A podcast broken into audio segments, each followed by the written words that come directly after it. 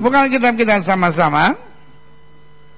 Kita masih ada dalam pembahasan kita Yesus dalam tiap-tiap buku dalam Alkitab. Dan sekarang kita sudah masuk karena pembahasan kita terakhir Yesus dalam kitab Nehemia. Dan setelah Nehemia kita masuk dalam Yesus dalam kitab Esther. Dan makin dalam kita melihat bahwa kita makin melihat the focus in the Bible, fokus dalam Alkitab is Christ. Bahwa fokus Alkitab bukan berkat, fokus Alkitab bukan mujizat, bukan sukses, tapi fokus Alkitab adalah Kristus. Sama-sama bilang sama saya Kristus. Amin. Great. Nah, Yesus dalam kitab Esther itu yang kita mau belajar, yaitu Yesus yang mempersiapkan mempelai. Mungkin sedang menatap saya dan berkata apa maknanya. Saya gambarkan dulu inti cerita Esther. Cerita Esther adalah kejadian di Babel di mana raja yang berkuasa bernama Ahasweros. Ahasweros jengkel sama ratunya, ratunya bernama Wasti, sehingga akhirnya Wasti dibuang dari istana. Kemudian Ahasweros mengadakan Ahasweros Idol Ya. Untuk menentukan siapa yang akan menjadi istrinya. Lalu di dalam scene yang lain kita tahu ada seorang Yahudi bernama Mordechai. Mordechai punya keponakan yang sudah yatim piatu yang dia besarkan. Nama keponakannya bernama Hadasa. Hadasa kemudian mempunyai nama Babel dan nama Babelnya adalah Esther. Dan Esther ikut Ahasveros idol dan dia kemudian menjadi pemenangnya. Scene yang lain ada seorang tangan kanan raja bernama Hamas. Haman. Dan Haman ini satu kali sedang berjalan, Tiba-tiba dia lihat ada seorang yang tidak mau memberi hormat kepadanya. Dia bertanya, kenapa tidak mau memberi hormat orang itu? Karena dia punya iman yang berbeda. Dia orang Yahudi. Dia percaya pada Allah yang hidup. Dia tidak mau menyembah manusia.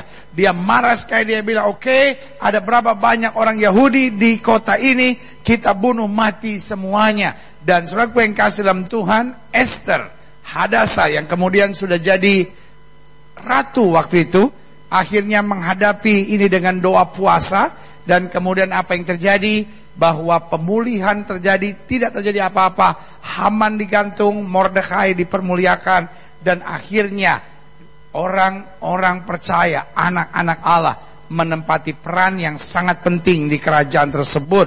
Nah, di sini yang kita mau pelajari adalah peran Mordekai bagaimana mempersiapkan Esther dari seorang yatim piatu menjadi seorang mempelai raja. Dan saya percaya Yesus bilang apa? Aku tidak meninggalkan kamu sebagai yatim piatu. Dia begitu mencintai kita, dia menerima kita apa adanya yang setuju katakan amin. Dan karena begitu dalam cinta Tuhan pada kita, dia bukan hanya menerima kita apa adanya, dia tidak membiarkan kita sebagaimana adanya kita. Dia lakukan hal-hal yang luar biasa buat kita yang setuju berikan tepuk tangan. Nah, ini yang kita mau belajar Esther pasal 2 ayat 7 sampai 18. Mordekai itu pengasuh Hadasa yakni Esther, anak saudara ayahnya. Sebab anak itu tidak beribu bapak lagi. Gadis itu elok perawakannya dan cantik parasnya. Ketika ibu bapaknya mati, ia diangkat sebagai anak oleh Mordekai. Ayat yang ke-8. Oh iya, uh, nanti setelah ibadah ini jam 10.30 ada kawan saya. Dia adalah uh, sempat dosen di pondok pesantren Azaitun di apa itu namanya? Di Indramayu. Itu uh, pondok pesantren terbesar se Asia Tenggara. Beliau akan datang ke sini uh, untuk menyampaikan firman Tuhan. Jadi uh, sengaja di apa itu namanya di glowing kita tertulis pendeta Guntur Karamoy, tetapi beliau yang akan menyampaikan firman Tuhan dan sekaligus kesaksian. Kesaksiannya sangat luar biasa. Dia tadinya bagian humas di dan juga dosen dan juga pengajar di situ di pondok pesantren itu beliau akan menyampaikan bagaimana dia menjumpai Kristus. Jadi saudara-saudara yang merasa rindu dan diberkati, saudara boleh tetap tinggal dan dapat kesaksian yang saya really encourage karena kita tinggal di masyarakat yang mayoritas Muslim. Jadi saya kalau saya percaya begini, Islam sahabatku, Yesus adalah Tuhanku. Amin. Iya, itu dia. Islam sahabatku, Yesus adalah Tuhanku. Islam bukan musuh kita, itu sahabat kita yang perlu kita doakan untuk ngalamin hal-hal yang dahsyat dari Tuhan. Jadi uh, kesaksiannya saya percaya akan membangun iman saudara. Yang namanya Saifuddin Ibrahim, nama sekarangnya Abraham bin Moses. Hebat. Tapi yang saya nggak tahan nama anaknya. Dia punya tiga anak, nama pertama Fikri Komeni, yang kedua Saddam Hussein, dan yang ketiga Muammar Gaddafi.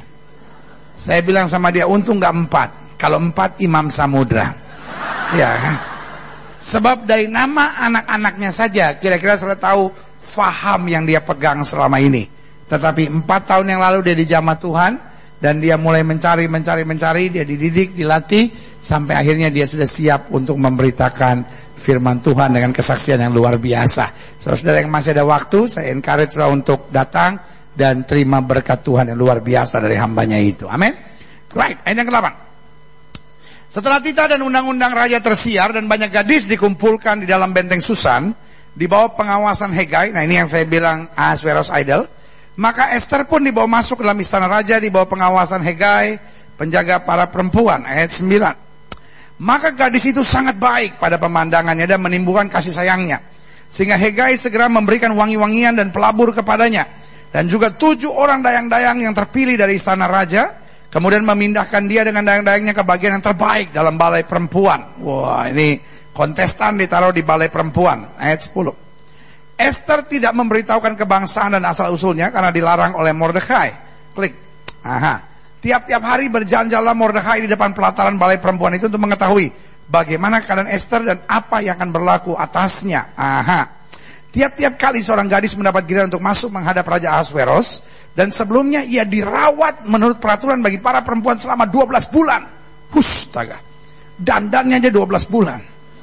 Darah Yesus. Pak, kalau istri dandan cuma satu setengah jam nggak ada apa-apanya Pak dibanding ini nih peserta ini.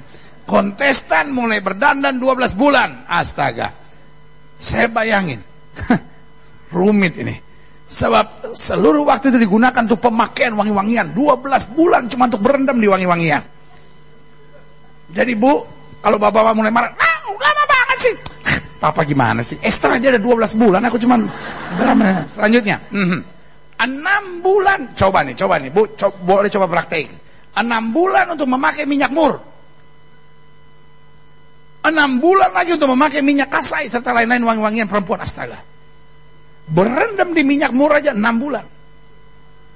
Saya bisa bayangin, udah selesai berendam 6 bulan di minyak mur. Masuk angin, perut sakit, pakai minyak kayu putih, bau lagi. Astaga. Selanjutnya. Lalu gadis itu masuk menghadap raja dan segala apa yang diminta harus diberikan kepadanya untuk dibawa masuk dari balai perempuan dalam istana raja. Jadi peraturannya oke, okay, wanita ini berdandan, wanita ini dipersiapkan, wanita ini diajar segala sesuatunya. 12 bulan kemudian, lo ilaha illallah, ini kalau ada siaran TV rugi nih 12 bulan baru ini kan. Apa itu yang sekarang? Take me out. Jadi program Take Me Out yang pertama, episode pertama itu di sini. Bayangin, 12 bulan berendamnya. 12 bulan. Tetapi kelebihannya adalah kalau dia udah keluar menghadap raja, dia minta apa saja harus dikasih. Wih, banyak kontestan yang mau ikut kalau begini. Ah, klik. Pada waktu petang ia masuk, ini Giran Hadasa Esther. Dan pada waktu pagi ia kembali. Tapi sekali ini dalam balai perempuan yang kedua. Di bawah pengawasan Seasgas, sida-sida raja, penjaga para gundik. Ia tidak diperkenankan masuk lagi menghadap raja, kecuali jika raja berkenan kepala dan ia dipanggil dengan disebutkan namanya. Jadi semua kontestan udah kasih lihat gitu kan. Habis itu mulai nih, lampu mana yang dimatiin, lampu yang mana dimenyalain gitu kayak begitu ya. Selanjutnya, mm -hmm.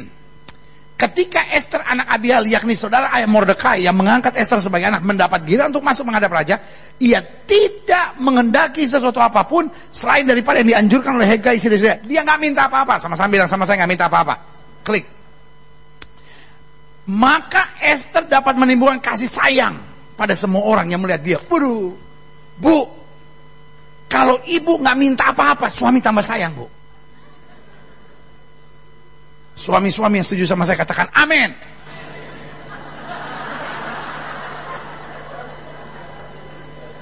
Waduh, akhirnya tahun 2011 ini khotbah yang terbaik yang Gilbert khotbah. Bu, yang bikin suami enek sama ibu, Bu. Lu minta kebanyakan, Bu, bener deh, Bu. Jadi mulai hari ini, Bu, belajar ilmu Esther, Bu. Jadi kalau sampai mall gitu suami tanya, "Mama mau apa?" "Enggak, enggak mau apa." Suami malah gemes tuh, Bu. Suami malah udah beli aja dia beli. Enggak kok. Eh udah aku yang beliin deh. Ya udah,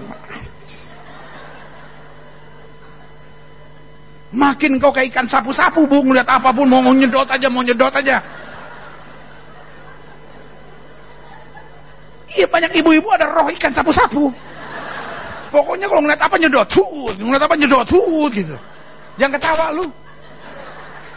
Udah ikan sapu-sapu, tawa-tawa lagi. Coba gue mau lihat wajahnya ikan sapu-sapu di sini mana? Siapa ibu-ibu yang mau tambah disayang suami? Eh udah gak berani angkat tangan.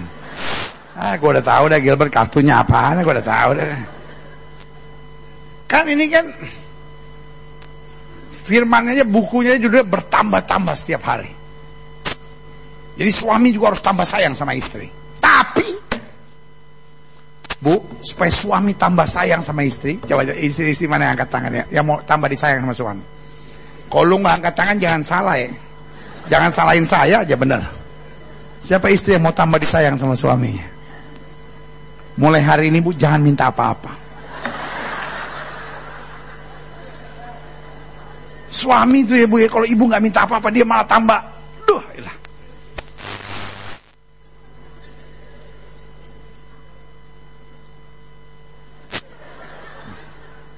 Suami tetap selalu Aku makin cinta. Cinta sama kamu. Itu aku tak biasa. Yeah! Yang repot istrinya rakus Suaminya pelit. Ya! Oh udah ada kartu mati dah begini. Ah, Neraka aja tuh rumah tangga ya eh? Istrinya matre. Suaminya pelit. Buru, Yahudi kawin sama Arab tetangga Padang belakang Aceh sebelah Madura. Ayah. Maka Esther dapat menimbulkan kasih sayang pada semua orang yang melihat dia. Nggak minta apa-apa. Dia berhak minta apa-apa, nggak minta apa-apa. Uh. Pak, pak, pak, kita sharing ya pak, sama-sama laki-laki pak. Kalau istrimu pak, engkau ajak nih pak, yang keren dikit lah Singapura. Singapura. Masuk di Takasi Maya. Terus tanya, sayang, puji Tuhan, proyekku baru berhasil. Mama minta apa aja, aku kasih. Istri bilang begini, aku gak perlu apa-apa. Aku cuma perlu kamu. Oh, oh. Bu, jangan salahin saya kalau tambah dedek baru. Made in Singapore, ya. Yeah. Waduh, suami tambah cinta, suami tetap istri dan berkata sayang. Wanita di muka bumi banyak. Tapi yang berarti sorga seperti engkau hanya kamu sendiri. Istri berkata, Papa, Ada bapak bapak bapak ngeliatin saya gini. Mungkin namanya mimpi, mimpi, mimpi. Mimpi. Model bini saya bisa begitu benar mimpi. Jangan terlalu putus asa dong Pak. Mulai hari ini Pak pulang gereja nyanyi bagi Tuhan Tak ada yang mustahil. Ingat khotbah Gilbert tadi. Istri bisa sampai nggak minta apa-apa. Bagi Tuhan Tak ada yang tak mungkin. Selanjutnya, klik. Demikian Esther dibawa masuk menghadap Raja Asweros ke dalam istananya pada bulan yang ke-10. Yang ini bulan Tebet pada tahun yang ke-7 dalam pemerintahan Baginda. Mm -hmm. Maka Esther dikasih oleh Baginda lebih daripada semua perempuan lain. Dan ia beroleh sayang dan kasih Baginda lebih daripada semua anak darah lain. Sehingga Baginda mengenakan mahkota kerajaan ke atas kepalanya dan mengangkat dia menjadi apa? Ratu. Ini gambaran kita gereja Tuhan yang tadinya tenggelam dalam dosa, hancur dalam kebinasaan. Tapi Kristus angkat kita dan persiapkan kita menjadi mempelainya. Sujud berikan tepuk tangan yang meriah. Nah, makanya dalam pendahuluan saya catat begini. Bahwa di akhir zaman Tuhan sedang mempersiapkan gerejanya dalam tiga karakteristik yang penting. Kalau saudara menantang saya dan berkata apa itu tiga karakteristik itu pendeta? Yang pertama, dia harus berhati hamba. Sama-sama bilang sama saya berhati hamba. Yesus bilang apa? Barang siapa yang mau jadi pemimpin, barang siapa yang mau sukses, barang siapa yang mau diberkati, dia harus siap menjadi ham, hamba. Orang yang berhati hamba di mana pun dia ada pasti hebat.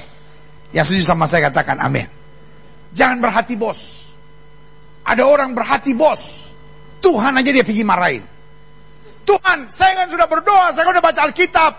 Udah bayar perpuluhan pula. Kenapa Tuhan gak berkati? Sampai malaikat saja setiap kali dia tutup mata trauma. Setiap kali dia mau tutup mata, malaikat bangun oh, ini tukang marah nih orang nih. Tuhan aja dia marahin apalagi mertua. Ya. Saya berdoa buat setiap jemaat yang olehnya Tuhan percayakan untuk saya gembalakan supaya tahun ini sudah lebih sukses. Amin. Tapi satu yang saya minta sama Tuhan. Jangan sampai kau sukses tapi hatimu angkuh. Jangan sampai kau berhasil. Lalu hatimu, hati Tuhan. Tapi biarlah kita tak punya hati hamba menyadari. Apa pun yang Tuhan berikan kepada saya. Itu hanya karena anugerahnya semata-mata yang setuju berikan tepuk Yang kedua. Karakteristik yang penting mentalnya harus mental pahlawan. Jangan mentalnya mental hamba. Jangan. Hatinya hati hamba. Hati yang mau melayani tapi mentalnya mental pahlawan yang nggak menyerah untuk tantangan apa pun. Sama-sama bilang sama saya, mental saya pahlawan. Mental saya prajurit. Amin. Tetapi pribadinya, ah ini dia. Kepribadian yang kita miliki yang ketiga yaitu kepribadian mempelai. Ya kan? Kalau pahlawan kan wah repot dong ya. Mana ada mempelai yang ini oh, kita mau kawin nih sekarang nih, eh, nggak bisa. Ya kan? Artinya lemah lembuan. Artinya menguasai diri. Amin. Ayo sama-sama bilang sama saya, berhati hamba. Bermental pahlawan. Berkepribadian mempelai. Waktu kita punya tiga karakteristik ini, saya percaya tahun ini akan menjadi tahun kedahsyatan buat setiap saudara yang setuju berikan tepuk tangan. Nah, saya pelajari selanjutnya apa ciri mempelai. Yang pertama seorang mempelai harus melalui ujian kesetiaan dan pengertian. Jadi seorang mempelai, ya kan? Makanya Alkitab bilang Yesus datang ada dua ciri. Yang pertama, Yesus datang sebagai pencu, pencuri. Buat siapa itu datang sebagai pencuri? Buat orang yang nggak percaya. Buat orang yang pikir Yesus kan cuma nabi. Buat orang yang bakar gereja buat orang yang yang persulit ibadah, dia kan kaget. Karena ingat, yang nanti akan berdiri sebagai hakim yang adil, sebagai imam mahdi adalah Yesus. Amin. Suka nggak suka kan kaget ya dia, aduh, wah mati gua. Ya, ya dia. Kalau gua tahu dari dulu gua ikut dia kan gitu kan ya kan? Ya kan? Ya ngerti nggak? Tapi buat kita yang percaya, dia bukan datang sebagai pencuri. Buat kita yang percaya, buat kita yang siap, dia datang sebagai mempelai.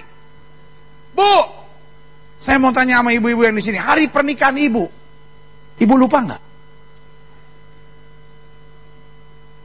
Hari di mana kita bikin utang sama orang kita lupa. Betul nggak bu? Buat ibu-ibu yang sudah menikah, berapa tahun pun kau menikah, satu tahun ke atau 41 tahun. Masih ingat nggak hari pernikahan itu? Indah semua penderitaan. Saya mau tanya sama ibu-ibu ini. Ada nggak yang di hari pernikahan ibu bangun terlambat? Nggak ada pendeta. Semua ibu-ibu di hari pernikahan tidak bisa tidur. Dia janjian sama orang salon jam 5. Jam 2 kebangun. Menurut dia dia udah tidur lama sekali kebangun. Dia aduh baru jam 2. Aduh, hari ini hari pernikahanku. Tidur lagi. Menurut dia dia udah tidur lama sekali dia bangun dia jam 2 lewat seperapan.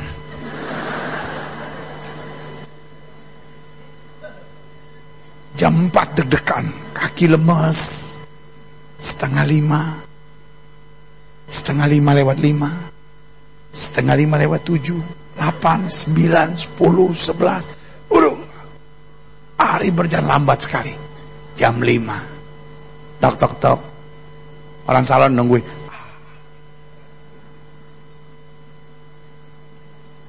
Gak ada orang di hari perkawinannya. Telat bangun, apa undangan udah kumpul baru ya gila gue baru bangun Aduh, oh hari ini gue kawin ya nah, itu otis namanya itu hmm. paling berkesan dan saya percaya hari itu akan menjadi hari yang paling berkesan kita dalam antrian panjang Bu, yang berdiri tahta itu sahabat kita kekasih jiwa kita, mempelai laki-laki kita, Kristus Yesus Tuhan yang sudah berikan tepuk tangan ya mereka. Saya tidak bisa bayangkan. Di depannya ada sebuah kitab besar. Dia buka setiap kitab. Satu persatu kita mulai dipanggil. Gilbert.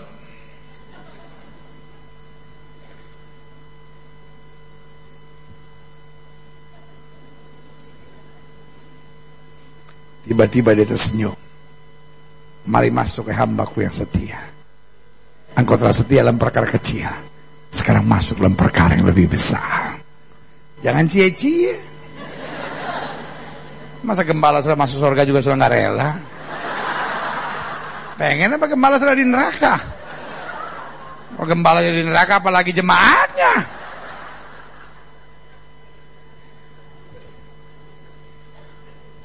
Sebagian kita mungkin berkata, pendeta kalau hari itu saya ketemu Yesus, saya mau ambil Blackberry saya, saya mau foto, saya mau tag di Facebook. Blackberry sudah tidak bisa kau bawa, Facebook sudah tidak ada, Twitter apalagi. Sebagai sudah menatap saya, maka hari itu saya akan bersorak melompat-lompat. Kita nggak bisa melompat. Sebagian kita cuma tertunduk menangis dan mengakui sungguh anugerah Tuhan yang menjadikan segala sesuatunya. Saja berikan tepuk Karena itu, Seorang mempelai nggak bisa hanya asal dapat.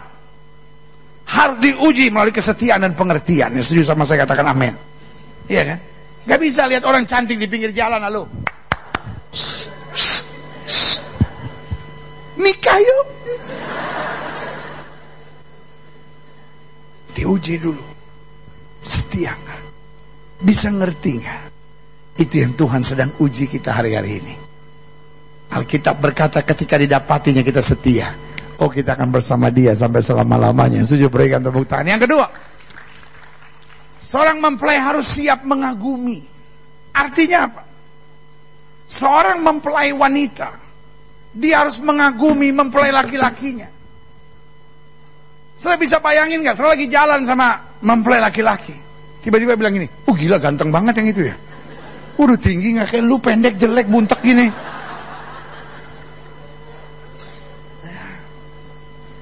Saya bisa bayangin nggak? Saya ikut Yesus. Tapi saya mengagumi hal, -hal dunia, musiknya musik-musik dunia, kebiasaannya kebiasaan dunia, gayanya gaya dunia. Something is wrong with you. Yang saya percaya adalah kalau kita bilang kita mempelai Kristus, apa pun tentang Kristus itu yang kita cintai. Ya, sudah berikan tepuk tangan. Amin. Sama-sama bilang sama saya, saya mengagumi Kristus. Ya, kan? Yang ketiga, Ciri mempelai, seorang mempelai harus siap melalui proses pencocokan. Nggak ada orang langsung bisa cocok. Pasti awalnya penuh dengan friction. Dan itu yang kita bilang, roh memang penurut tapi daging lemah. Harus ada proses pencocokan. Awalnya, aduh pendeta, ikut Yesus sulit sekali pendeta. Orang ngecewain saya, saya harus sabar. Orang ngelukai saya, saya harus doakan. Saya capek, tapi saya tetap harus melayani Tuhan. Proses awalnya berat, proses pencocokan. Tetapi Alkitab bilang orang yang bertahan sampai kesudahannya itu yang beroleh mahkotanya. Setuju berikan tepuk tangan. Dalam Wahyu dikatakan berkali-kali barang siapa menang, barang siapa menang, barang siapa menang. Artinya dalam proses pencocokan ini daging harus kita kalahkan. Kita harus menang dalam roh yang setuju katakan amin. Yang keempat, ciri mempelai. Seorang mempelai harus siap berdandan dan tampil menarik. Dia berdandan bukan untuk dirinya, dia berdandan untuk kehormatan dari apa? Mempelai laki-lakinya. Saya bisa bayangin nggak? Ketika hari perkawinan, Mempelai laki-laki udah gagah pakai jas. Istri pakai daster sendal jepit. Saya memang orang yang begini mau diapain? Dia bukan bikin malu dirinya. Dia bikin malu mempelai laki-lakinya. Bilang sama sebelah saudara, hidup kita jangan bikin malu Yesus. Alkitab berkata, kamu bukan berdandan dengan hal-hal jasmani. Tapi kamu berdandan dengan hal rohani. Alkitab dengan tegas berkata supaya orang melihat perbuatanmu yang baik dan memuliakan Bapamu yang di sorga yang sujud berikan tepuk tangan yang meriah. Sampai sini kayak ciri-ciri mempelai jelas buat setiap saudara. Amin. Right. Kita lihat selanjutnya. Kita dipersiapkan menjadi mempelai. Apa artinya pendeta? Saya jelaskan. Yang pertama kita harus jadi mempelai yang rajin. Sama-sama bilang sama saya. Kayaknya enggak deh. Ah ya. Yang pertama kita dipersiapkan menjadi mempelai yang rajin dan siap bekerja keras. Sama-sama bilang sama saya rajin dan bekerja keras. 12 bulan dia dipersiapkan. Dalam proses dandannya itu diajarkan bagaimana mampu menjadi pemimpin di dalam istana itu. Bagaimana uh, bersikap sebagai seorang ratu, bagaimana menghadapi masalah. Dia dididik, artinya jadi Kristen jangan jadi Kristen yang malas. Sama-sama bilang sama saya, saya nggak boleh malas. Amin. Yesus bilang Bapakku masih bekerja sampai sekarang dan aku bekerja juga. Paulus bilang yang tidak bekerja, yang tidak berkeringat jangan harap dapat makan. Amsal berkata, "Hai pemalas, belajarlah dari semut." Alkitab berkata tangan orang rajin memegang kekuasaan dan kemalasan mengakibatkan kerja paksa. Waktu kita menyadari saya mempelai Kristus, saya percaya kita siap bekerja keras. Yang setuju katakan amin tahun 2011 dia harus bernama tahun perjuangan. Tahun 2011 dia harus bernama juga tahun kerajinan. Makanya buku untuk bimbingan saudara sepanjang tahun ini saya beri nama bertambah-tambah setiap hari. Saya mau setiap saudara bertambah setiap hari, tambah rajin, tambah sukacita, tambah uh, berani, tambah berjuang, tambah sungguh-sungguh. Yang setuju sama saya katakan amin. Amin. Yang kedua, kita dipersiapkan menjadi mempelai. Mempelai apa? Yang bermental baja. Makanya sampai ada apa itu namanya kompetisinya berlangsung satu tahun supaya dicari mereka yang mentalnya baja. Coba lihat kemudian Esther pasal 4 ayat 16 waktu mereka menghadapi masalah. Ketika sekarang Haman sudah buat siasat. Orang Yahudi mau dibunuh mati. Mordekai berkata, Esther, Engkau aman ada di istana raja. Tetapi kalau kamu tidak bertindak, Tuhan yang akan menjadi pembela kami yang bertindak. Bagi kami selalu akan datang pertolongan. Tapi lihat apa kalimat Esther. Pergilah. Kumpulkanlah semua orang Yahudi yang terdapat di Susan. Dan berpuasalah untuk aku. Janganlah makan dan janganlah minum tiga hari lamanya. Baik waktu malam, baik waktu siang. Aku serta dayang-dayangku pun akan berpuasa demikian. Itu sebabnya sebelum kita menghadapi tahun ini, satu minggu ini kita ada dua puasa. Hari ini hari terakhir kita. Iya kan?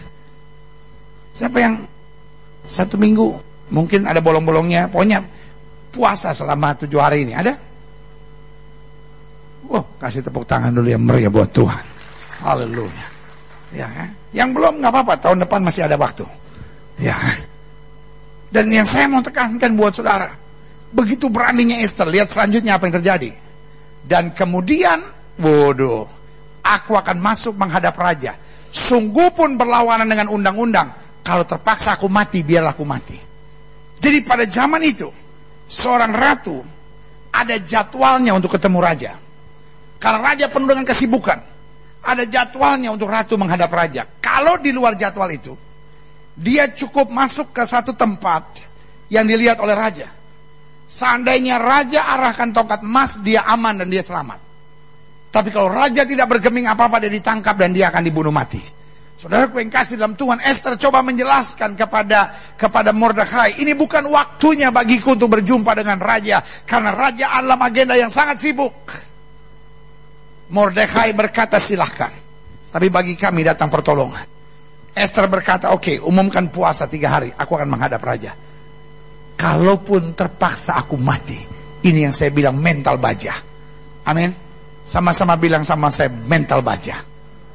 Tuhan sedang mencari mempelai mempelai Kristus yang tidak mudah menyerah, yang tidak mudah kecewa, yang tidak mudah stres dan tertekan. Di balik setiap tantangan yang besar dia tahu bahwa mempelai laki-laki kita Kristus bertanggung jawab buat kita yang setuju berikan tepuk tangan. Yang ketiga, kita dipersiapkan menjadi mempelai yang tahu bersyukur dan tidak serakah. Esther menghadap raja, dia tidak minta apa-apa. Amin. Sama-sama bilang sama saya, tahu bersyukur. Persoalan kita, kita jadi orang yang serakah. Tidak pernah bisa bersyukur. Apa aja kita bersungut-sungut. Bangsa Israel di padang belantara mati. Kenapa terlalu banyak bersungut-sungut? Coba lihat bilangan 11 ayat 4. Astaga. Saya ngomong jangan ya. Baca jangan, baca jangan. Baca. Baca jangan. Jangan ada jemaat yang tersinggung ya. Ini benar, benar. Pegang Alkitab sudah. Ini bukan kalangan saya. Ini memang Alkitab tulis begini. Orang-orang. Ku nggak enak bacanya. Orang-orang.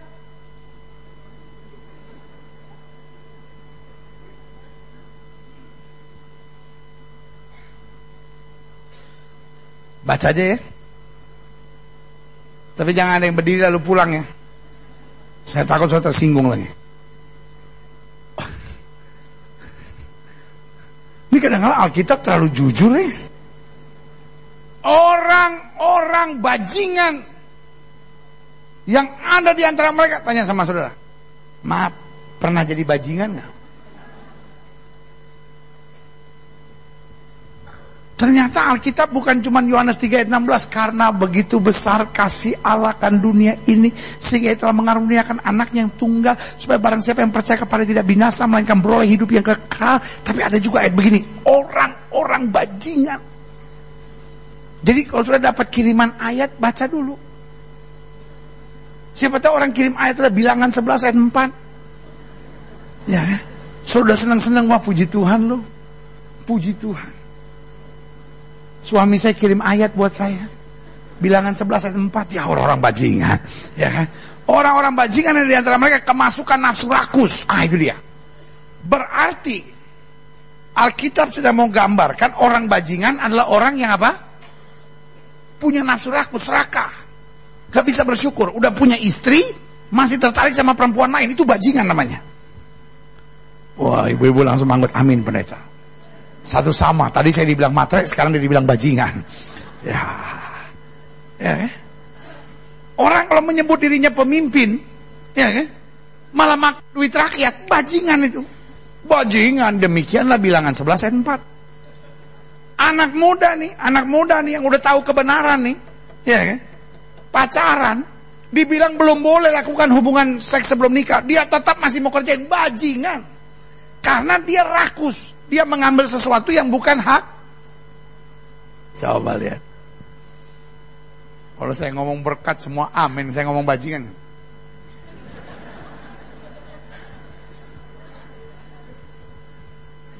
Bilang sama sebelah saudara, kita sudah bukan bajingan lagi. Kita mempelai-mempelai Kristus yang setuju berikan tepuk tangan. Orang-orang bajingan yang ada di antara mereka kemasukan nafsu rakus.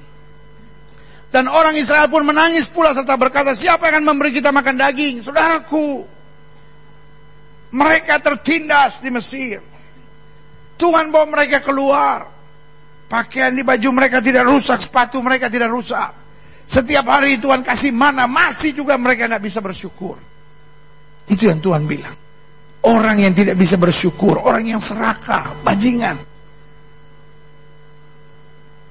Tetapi mulai hari ini kita bilang, Tuhan, aku mau menjadi mempelai Kristus. Ayub berkata, apakah kita hanya mau menerima yang baik dari Allah dan tidak mau menerima yang kelihatannya buruk? Yusuf berkata, dengan tenang dia berkata, kalaupun manusia mereka-rekakan yang jahat, Allah pasti mereka-rekakannya untuk kebaikan yang setuju berikan tepuk tangan. Paulus bilang sama jemaat di Korintus, pencobaan yang kamu alami pencobaan yang biasa tidak akan pernah melebihi kemampuan kamu. Amin. Sama-sama bilang sama saya, saya harus selalu bersyukur. Bilang sama sebelah jangan suka serakah. Dan keempat saya pelajari. Kita dipersiapkan menjadi mempelai apa? Yang terakhir, yang mendatangkan keberuntungan bagi sekitar kita. We are a heaven carrier.